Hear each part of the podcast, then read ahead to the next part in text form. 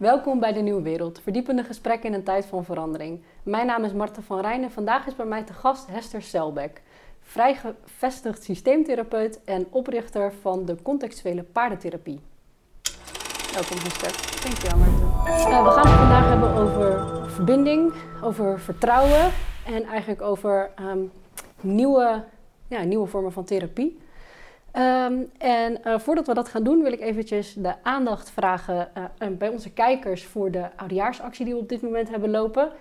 Uh, we zijn natuurlijk ook hier bezig met verbinden, met het bieden van nieuwe inzichten. Um, en ja, mochten jullie dat waarderen en daar graag aan bij willen dragen, we kunnen jullie hulp altijd goed gebruiken, zoals jullie inmiddels weten. heb je nog niet gedoneerd voor onze eindejaarsactie en kan je nog wat missen, help ons dan mee, want hier ergens verschijnt de button op dit moment in beeld. Goed. Um, vrijgevestigd systeemtherapeut. Wat is een uh, vrijgevestigd systeemtherapeut?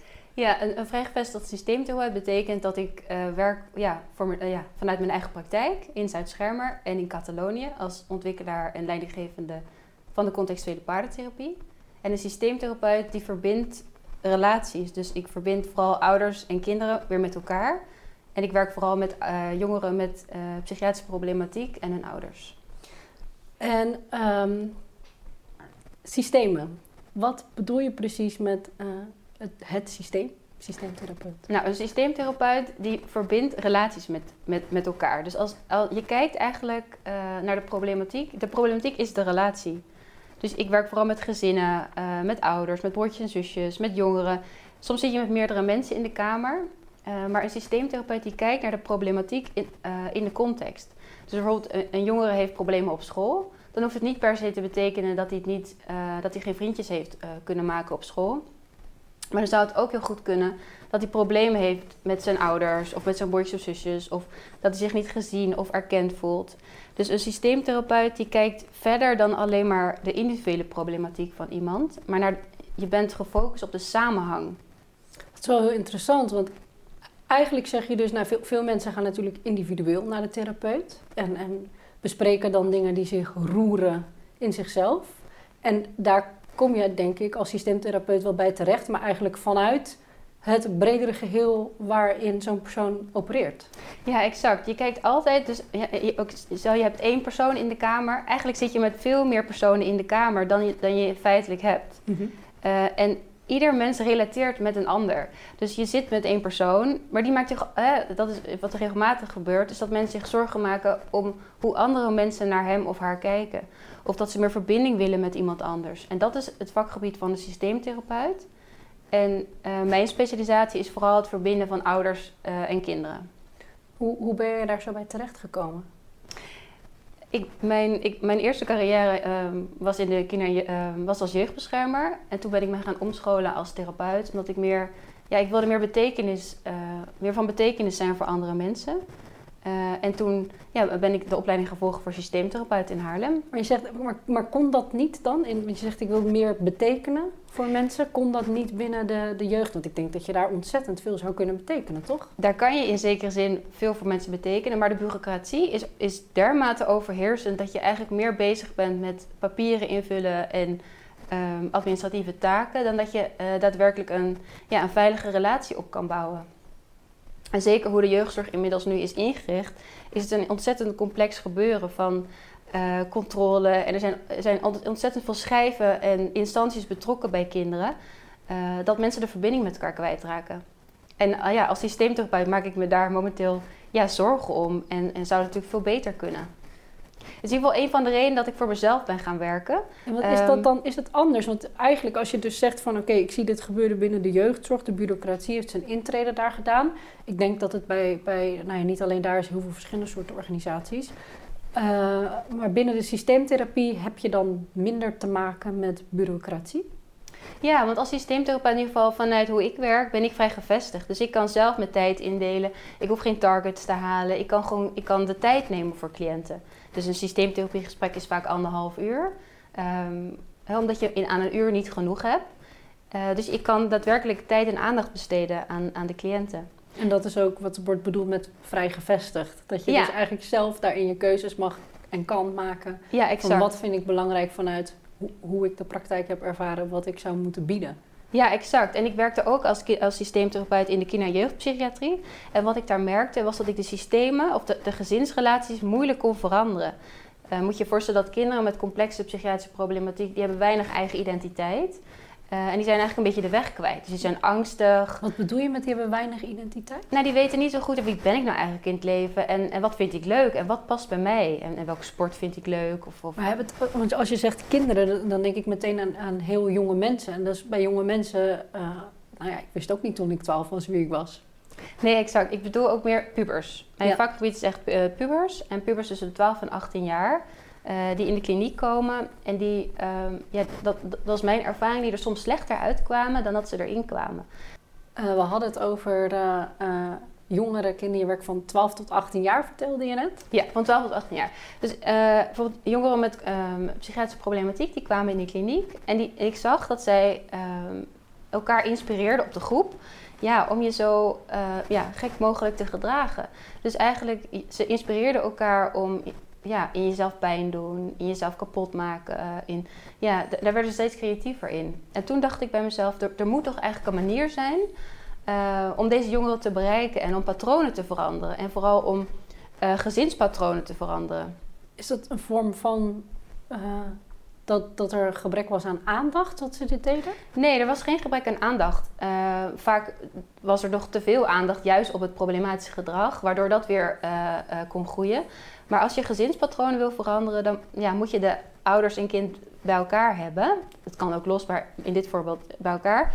En dan moet je gaan kijken van hoe, ja, hoe kunnen ze op andere manieren naar elkaar kijken en hoe kan de relatie gerepareerd worden als systeemtherapeut ben je ook meer ja, een repareerder Um, en wil je mensen met elkaar verbinden. Dus hoe, maar hoe veilig ik mezelf ook opstelde als systeemtherapeut. Ik zag dat ik, nou ja, dat ik weinig bij de emoties kon komen. Dus mensen waren uh, afstandelijk, durfden zich niet helemaal uit te spreken, durfden ook niet naar zichzelf te kijken of, of, of konden dat niet.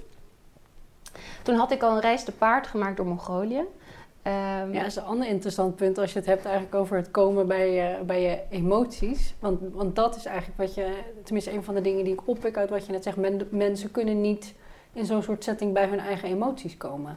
Nee, moeilijk, moeizaam. En um, wat mijn reis te paard door Mongolië mij bracht, was dat ik eigenlijk zelf heel erg bij mijn eigen emoties kwam en bij mijn veerkracht.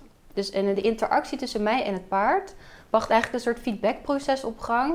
Uh, ik voelde me rustig worden. Ik, uh, als ik het dier naderde, uh, zakte mijn ademhaling. Uh, het was een soort fijngevoeligheid die ik ervaarde. Want we komen vanaf hier eigenlijk, we begonnen net met um, ja, jou als systeemtherapeut. Maar we gaan nu een beetje meer al richting de contextuele paardentherapie. Je hebt er een boek over geschreven ook.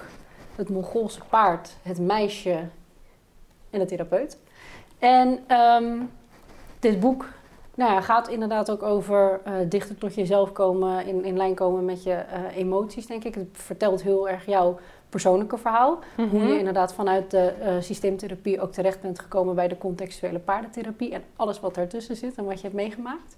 Um, en het is dus wel, ja, denk ik interessant om dan te beginnen inderdaad met wat je net noemde, dat contact maken met je eigen emotie en dat dat dus een rol speelt en paarden spelen daar ook in een rol. Ja, paarden spelen daar een grote rol. Um, ik heb een aantal paard, paardrijdtochten gemaakt door Mongolië, waarvan de laatste een langdurige uh, tocht. En ik, ik, dacht ook, nee, ik, ik, dat was zo prettig. Ik voelde me zo één met alles en het universum en mezelf. Dat ik dacht, nee, ik blijf gewoon zo leven. Hoe kom je daar terecht? In, uh... Uh, hoe kwam, in, ja, hoe kwam in Mongolië, Mongolië terecht? Ja, ja uh, nou tien jaar geleden had ik een visioen van Mongoolse paarden. Ik stond toen gewoon met mijn ex in de keuken in Delft uh, het keukengerei te verdelen. En hij uh, gaf me een garde aan. En ik zag gewoon mijn Golse paarden op mijn netvlies verschijnen. Um, en dat gaf me een enorm rustig gevoel. Um, en toen dacht ik ook, oké, okay, ik, ik, toen wist ik ook zeker, ik ga naar Mongolië. Ik wist ook wanneer, over twee jaar, want ik wilde eerst de systeemtherapieopleiding afmaken. Dingen afmaken en dan dacht je, dan ga ja. ik daarna die kant op, want het, het roept mij, er is daar iets. En ja. ik ga daar iets vinden wat, ik, wat mij rust geeft. Ja, exact. Ja, ik kon mezelf niet tot rust. Ik woonde toen in Haarlem. Uh, het is natuurlijk een stedelijke omgeving. Ik was overprikkeld, ik kon mezelf niet goed voelen. Ik was overbelast in mijn systeemtherapie, systeemtherapiewerk. Um, en ik had gewoon een, een, een, diepe overtuiging van, ik moet naar Mongolië. Ehm, nou, en dat heeft me uiteindelijk heel veel gebracht. Je bent gegaan, je hebt daar contact gemaakt inderdaad met, uh, met, met paarden. Ja. Uh, en toen dat gebeurde, dacht je: oké, hier zit iets in wat ik nou ja, niet, niet per se meteen kan gebruiken, maar iets waarvan je denkt: dit is waardevol. Als ik kijk naar die systeemtherapie en hoe dat in Nederland is ingericht, hier, hier kunnen we iets mee. Want het spreekt dus meer de emotionele kant, denk ik, van ons zijn aan. Waar ja, we zo bij komen. Ja, ik, toen, toen ik door Mongolië trok te paard, dacht ik niet direct... oké, ik, ik, ja, ik ga een behandelprogramma ontwikkelen voor jongeren. Zo concreet was het niet. Maar ik voelde wel, dit doet zoveel met mij als mens. Dus ik voelde me een soort krijger. Ik, ik werd zo veerkrachtig. Maar wat ik vooral uh, leerde was een, een, een vorm van autonomie. Dus ik, ik voelde me vrij en, en onafhankelijk. Uh, en daarvoor was ik nog wel onzeker, kon ik me zorgen maken ook. Uh, hè, doe ik het wel goed? Dus mijn zelfvertrouwen groeide. En um, ja, ik kwam eigenlijk gewoon helemaal tot mezelf. Hoe kan dat door zo'n paard? Want ik probeer het een beetje dan te begrijpen. Dat is, wat, wat, wat gebeurt daar? Nou, sowieso als je op een paard rijdt, moet je leiding geven. Dus je moet sowieso... En overigens de eerste keer dat ik daar op een paard ging, was op van een dronken Mongoolse man. En dat paard ging er in volle met mij vandoor. Want ik was net in Mongolië en ik, ik voelde geen leiding over mezelf. Maar doordat ik later um, meerdere paardrijdtochten ging rijden, um, kwam ik ja, bij mijn basisvertrouwen terecht. Uh, en dat is ook mede door de bekkenkanteling die ontstaat van het lichaam. Dus dan maak je als mens het hormoon oxytocine aan. Uh, door die, die door die bekkenkanteling, uh, waardoor je ook meer open komt voor sociaal contact. Maar je wordt ook ja, je komt lekker in je lichaam. Dus die contextuele paardentherapie, waar we later op zullen komen, is ook e- een lichaamsgerichte vorm van uh, therapie. Ja, dat is ook wel interessant, hè? want we hebben natuurlijk in Nederland, denk ik, snel de neiging, nou, niet alleen in Nederland, maar snel de neiging met therapie naar het cognitieve deel te gaan. Ja. Terwijl er gebeurt inderdaad in het lichaam, in de emoties, ook ontzettend veel. Uh, en wij hebben dan de neiging van ja, om, om het ergens te, meteen te rationaliseren. Ja, exact. Terwijl het leven is eigenlijk niet te rationaliseren. Want als je kijkt naar de geboorte van de mens, zit een baby in de buik van de moeder. Dus, dat, dus je start als mens vanuit de geboorte al in verbinding. Ja, als je daar is wel allemaal individueel, individuen en uh, maximaal, dat, dat is gewoon... Ja, nou, ik, ik denk een mens is niet gemaakt als, uh, om, te, om zich te isoleren. Mensen willen altijd verbinden. En iedereen wil van betekenis zijn voor de ander. En als je zo naar relaties kijkt en zo naar de maatschappij uh, nou, dan kan je natuurlijk heel veel vraagtekens stellen naar wat er momenteel gaande is in de wereld. Um, maar als je kijkt zeker naar mijn vakgebied en naar de jeugdzorg, um, ja, willen hè, jongeren die problemen hebben, dus jongeren met psychiatrische problemen, ja, die willen verbinden. Maar die zijn het vermogen kwijt om te verbinden. Um, en dat is wat je leert met het paard. Ja, paarden, als je uh, de contextuele paardentherapie, die vindt plaats in Catalonië. Uh, waar jij hem nu in ieder geval dan geeft. Ja, waar we, ja. waar we hem geven. Dat doe ik niet alleen. Dat doe ik samen met een multidisciplinair team. Dus ik werk samen met een, een paardentherapeut, een paardenbegeleider, uh, een sociotherapeut. En in de tweede week komt er nog een co-systeemtherapeut bij. Het is een heel behandelprogramma. En de jongere komt in de eerste week individueel. En de tweede week komen ouders en bordjes en zusjes. En in die eerste week um, ja, gaan we met de jongeren uh, veel paardrijden, systeemtherapie krijgt hij, maar ook paardentherapie. Het is een heel afgebakend programma. Maar de jongeren uh, stimuleren we om ja, zichzelf weer te, te leren kennen, maar ook hij wordt even losgeweekt van de patronen van thuis zodat die interactiepatronen zich ook niet vestigen um, ja, op, op de range, in, in, de, in de setting. Uh, maar we brengen dus, ja, we gaan heel veel doen. En veel, um, en veel met de paarden werken. Wat zie je dat er in zo'n week uh, gebeurt met... met nou, ik weet niet of je kan zeggen dat de jongeren, dus dat is standaard, maar ik kan me voorstellen dat je toch wel een aantal dingen uh, ziet gebeuren. Jazeker. Nou, wat ik zie is dat de kinderen, uh, de, de, jongeren meer open worden, dus meer open voor sociaal contact, maar ook hun psychiatrisch gedrag neemt af. Bijvoorbeeld, psychiatrisch gedrag is bijvoorbeeld van, als, je, als je het moeilijk vindt of je hebt niet geleerd vanuit thuis om je emoties te uiten. Dat je bijvoorbeeld jezelf pijn doet als je moet huilen. Of dat je jezelf uh, krabt aan je arm. Of nou, je wil jezelf pijn doen met een scheermesje. Uh, is dat, en dat we zien dat het afneemt. Maar ook uh, de blik in de ogen wordt meer open. Dus kinderen zijn soms meer nou ja, in zichzelf gekeerd. Meer in een non-verbale houding. Het is meteen ook open. al houding inderdaad. Wat je het doet, is houding. Het, zit ergens het is van mentaal, maar tegelijkertijd is het, het hele gestel is ermee uh, Het hele gestel, ja. En ze kunnen meer ontspannen. Uh, en daar helpt de, de, de, context natuurlijk enorm uh, in bij, want het is een afgelegen paardenrange, het is, een, het is midden in de natuur, midden in de Pyreneeën. Uh, nou, er zijn eekhoorntjes, er zijn nog wilde zwijntjes. Er zijn vleermuizen. Heel idyllisch Eh, klinkt het. Het is heel idyllisch, maar ik denk dat, we, ehm, dat het een soort mini-idealistische samenleving creëren als in een psychotherapeutisch leefgemeenschap. Want wij als therapeuten leven dan even in een ja, eh, kortdurend samen eh, met de cliënten. Ja, het is een, een gemeenschapsgevoel wat je creëert. Wat gebeurt er op het moment dat ehm, ouders, broertjes, zusjes eh, daar komen? Ja, dan is het altijd even drama. Ja, helaas. Ja, dat is ook normaal, want dan eh, zitten ze gelijk weer En even de in dat verhoudingen, patroon. ja, patronen, Ja. komt meteen terug. Gelijk, ja. Maar er is ook iets aangeraakt bij de jongeren zelf. En de, er wordt natuurlijk voorbereid in wat wil je vertellen tegen je ouders en wat wil je bespreken.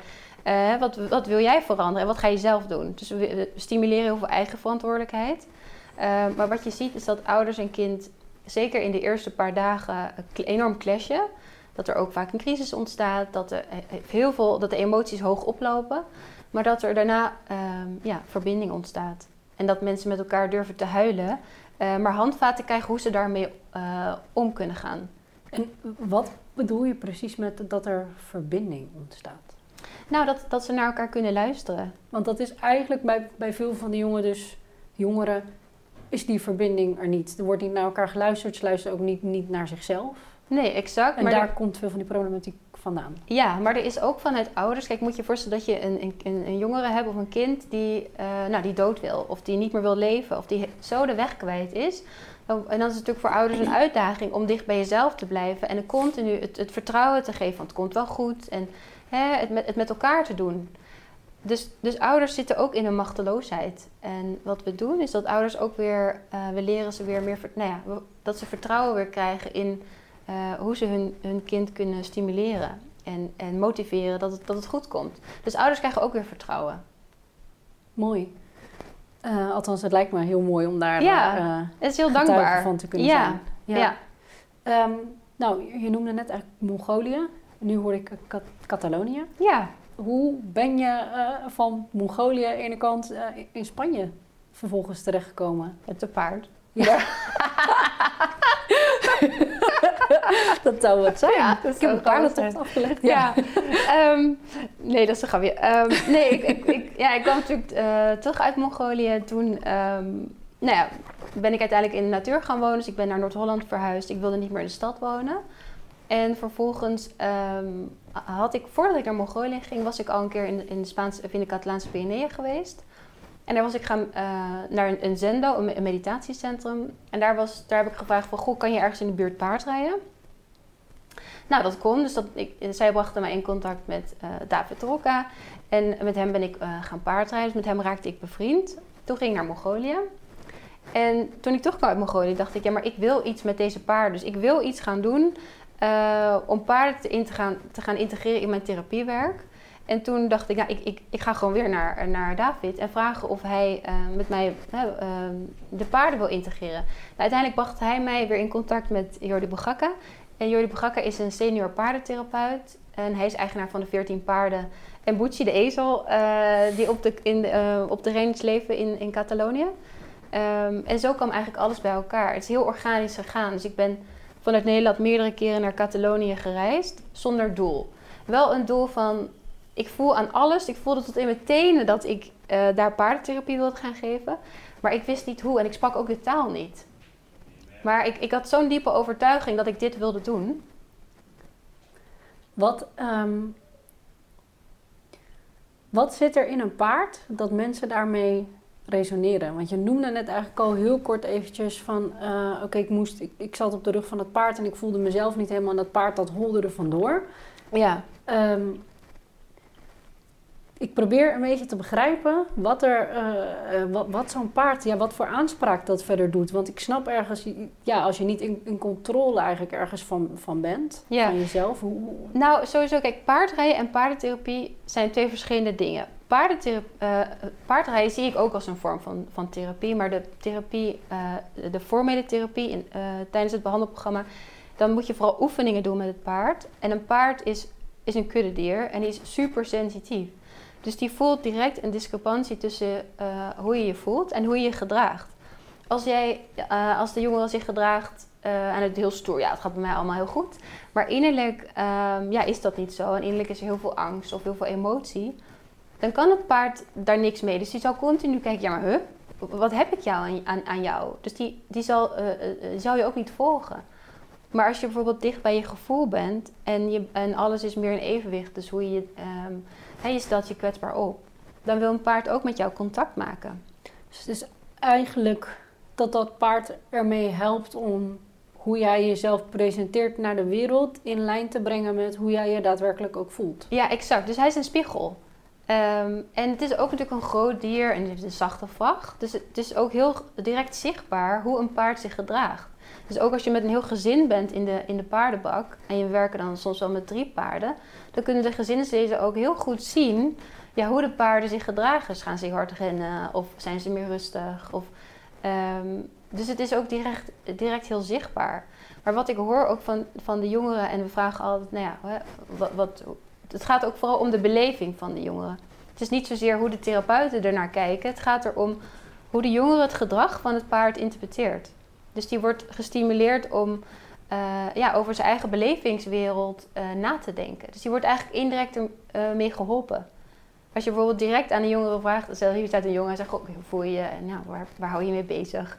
Ja, en als je, als je als jongere al heel veel therapie hebt gehad, denk je echt, nou, op zout. Ik ga jou dat niet allemaal vertellen, want ja, die zijn gewoon klaar met therapie.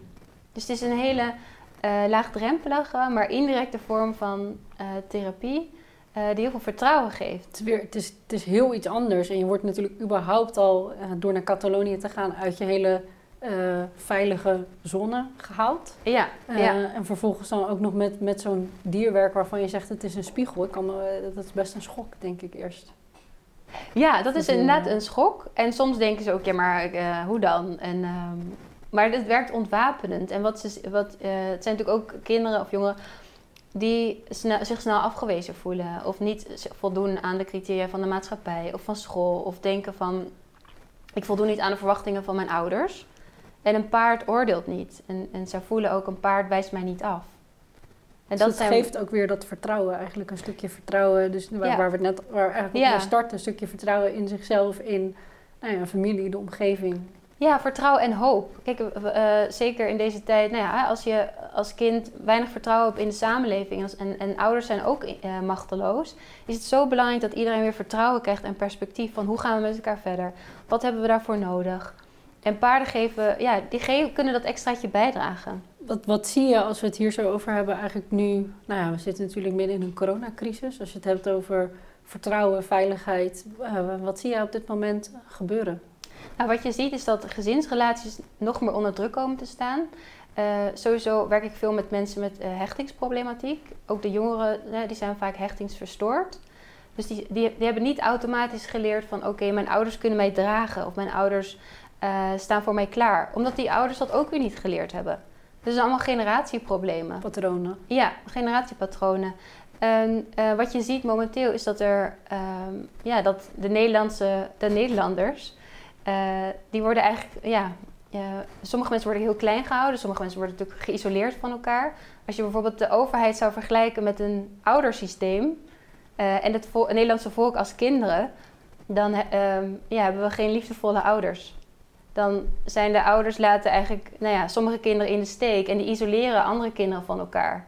Zo, dat is wel een, wel een uitspraak. Geen, geen liefdevolle ouders hebben, want het wordt natuurlijk heel erg ja, wel ook gepresenteerd als dat ze ons hierbij helpen en dat we um, zoveel mogelijk levens ja, hierdoor weten te sparen. Maar jij zegt eigenlijk van ja, dit is, dit is niet liefdevol. Nee, ik denk uh, liefdevol ouderschap is ook vooral uh, vragen waar heb jij behoefte aan? Hè? En eens luisteren naar de ander. Als je bijvoorbeeld kijkt naar dat.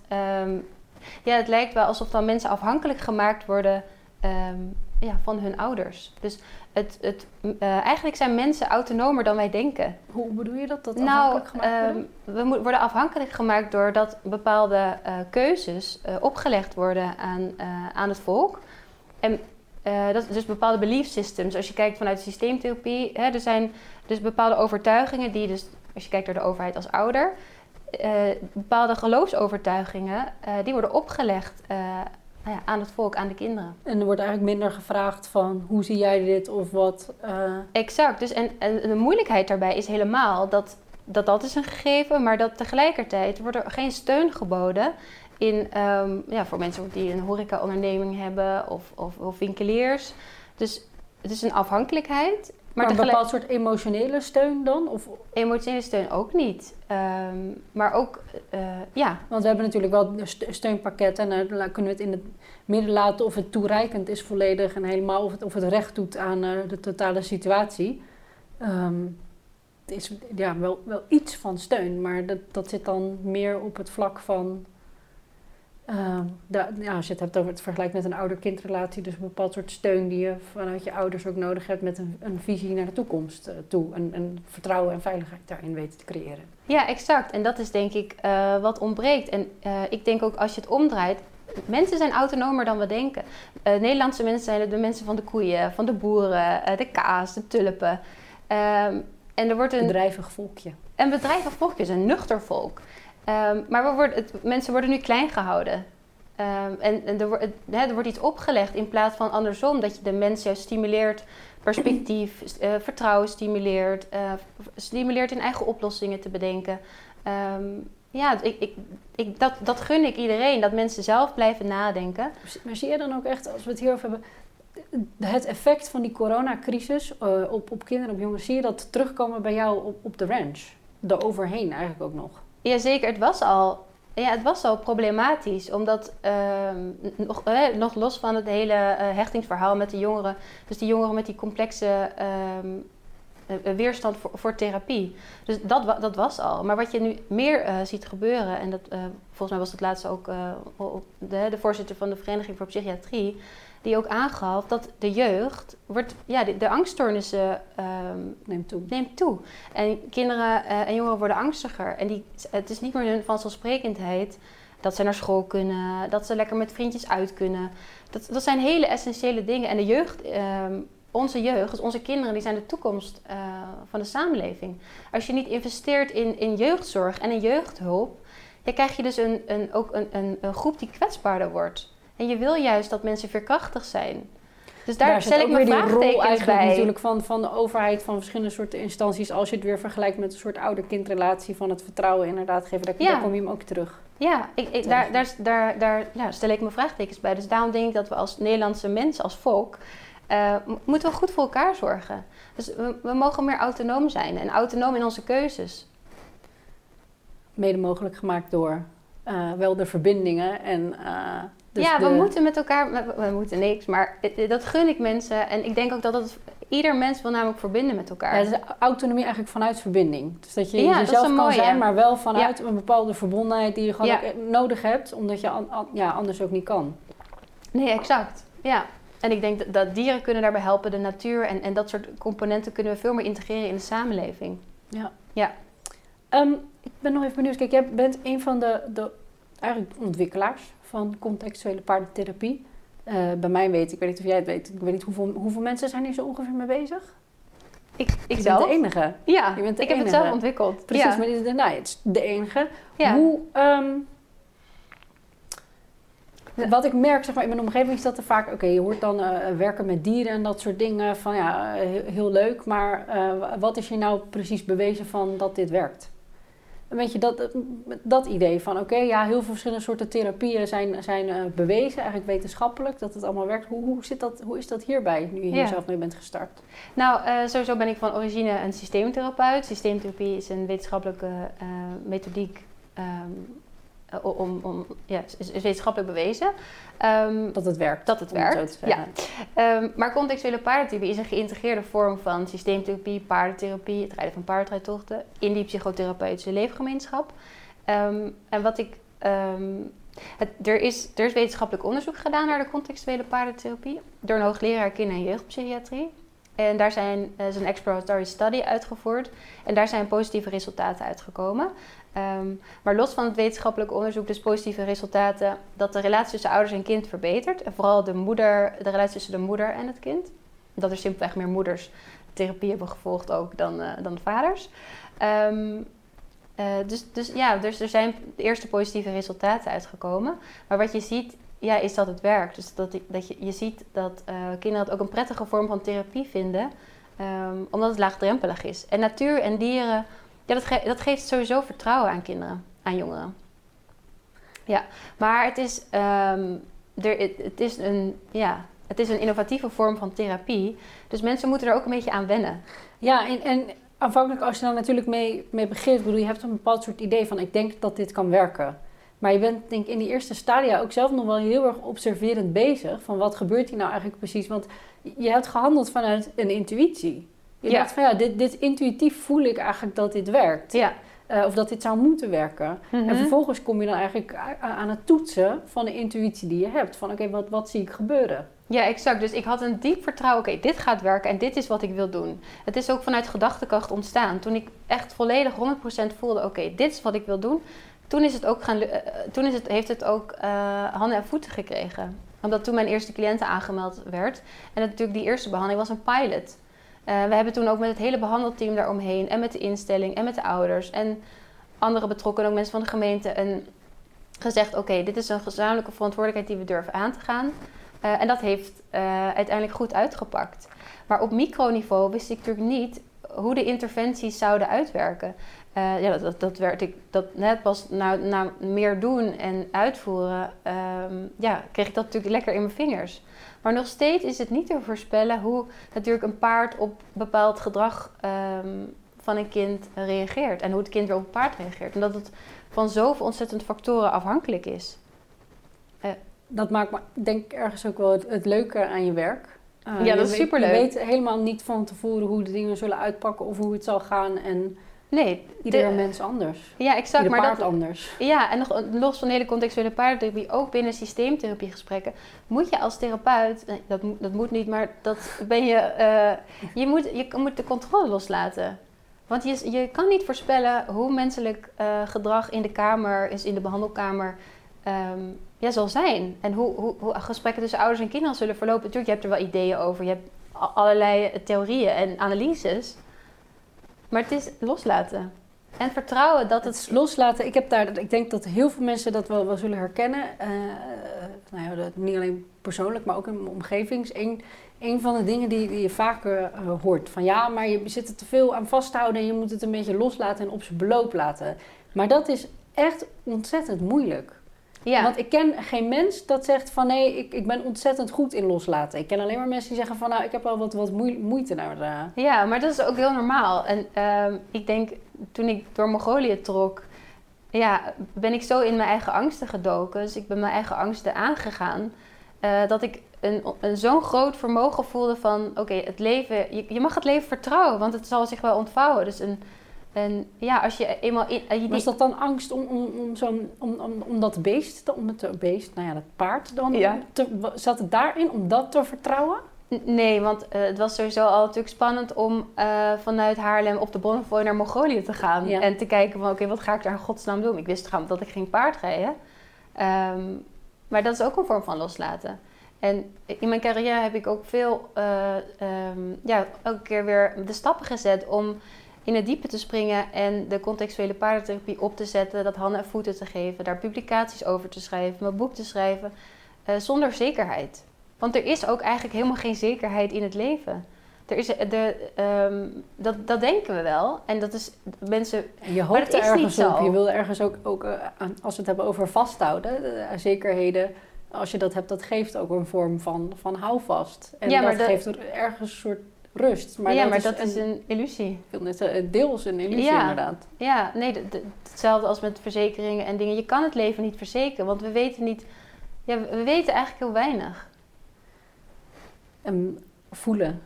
Voelen is belangrijk, ja. Is daarbij belangrijk. Ja.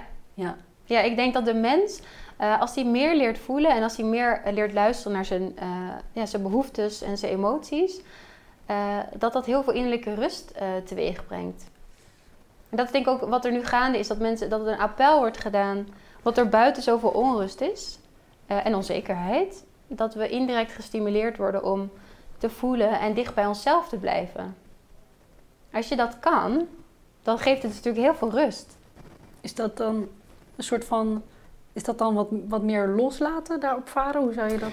Misschien meer loslaten. Uh, nou, misschien ook meer uh, vanuit zingeving leven, een stukje spiritualiteit. Um, ja, het, leven is continu in verandering. Ja, ik zit hier nog eventjes. Ik vind het heel interessant, die thematiek inderdaad van het vasthouden en het loslaten. En ook hoe zo'n zo'n paard eigenlijk daarbij uh, bij kan helpen. Dat lijkt me gewoon een ontzettend uh, mooie ervaring. Dus wie weet, misschien kom ik wel eens een keer de, bij je langs om dan toch ook te kijken wat is dat en hoe, hoe werkt dat. Nou, heb, je, heb je dat wel eens mensen die bij je, uh, zeg maar, die dan niet per se voor een behandeling komen, maar die dan denken, hey. Bedoel je in Catalonië? Of? Ja, die gewoon langskomen op bezoek.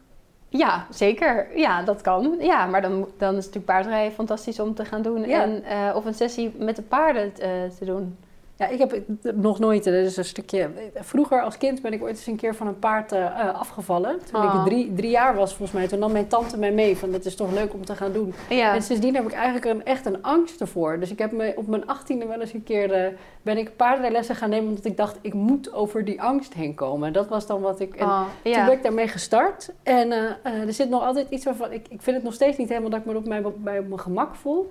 Maar ja, dat begrijp ik wel. Ja. Soms denk ik dus ook wel eens hierin, en dat vind ik er dus ook het mooie aan, een soort van stukje vertrouwen. En dat wat jij zegt, vertrouwen op jezelf en dan in de omgang um, met dat beest, dat, dat je, de, of het, ik noem het de hele tijd dat beest, maar dat paard, zijn, zijn uh, hoffelijke dieren, toch? Ja, ja. Dat, dat je daar um, inderdaad ook wel weer een stukje dichter van, uh, van bij jezelf kan komen. Dat, ik voel, ja, voel dat in je verhaal en ik vind dat een uh, mooi aspect. Ja, nou, dank je. Ja, nee, ik, ik denk dat dat ook um, misschien, misschien is dat wel de essentie van het leven. Dat we als, als mens groeien, uh, doordat we steeds dichter bij, ja, hoe, hoe langer we leven, um, dat we steeds dichter bij onszelf komen. Leven is natuurlijk continu jezelf ontwikkelen en ehm, ja, jezelf weer nieuwe dingen leren.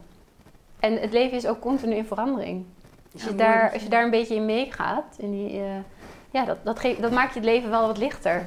Ja, ja, mooi dat je daar op deze manier ook aan kan bijdragen. Uh, en ook de jeugd eigenlijk weer een stukje dichter bij zichzelf weet te brengen en bij hun familie in verbinding. Thanks. Ja, ja. dankjewel hiervoor Hester. Dankjewel Maarten. Ja, yes. dankjewel dat ik hier mocht zijn.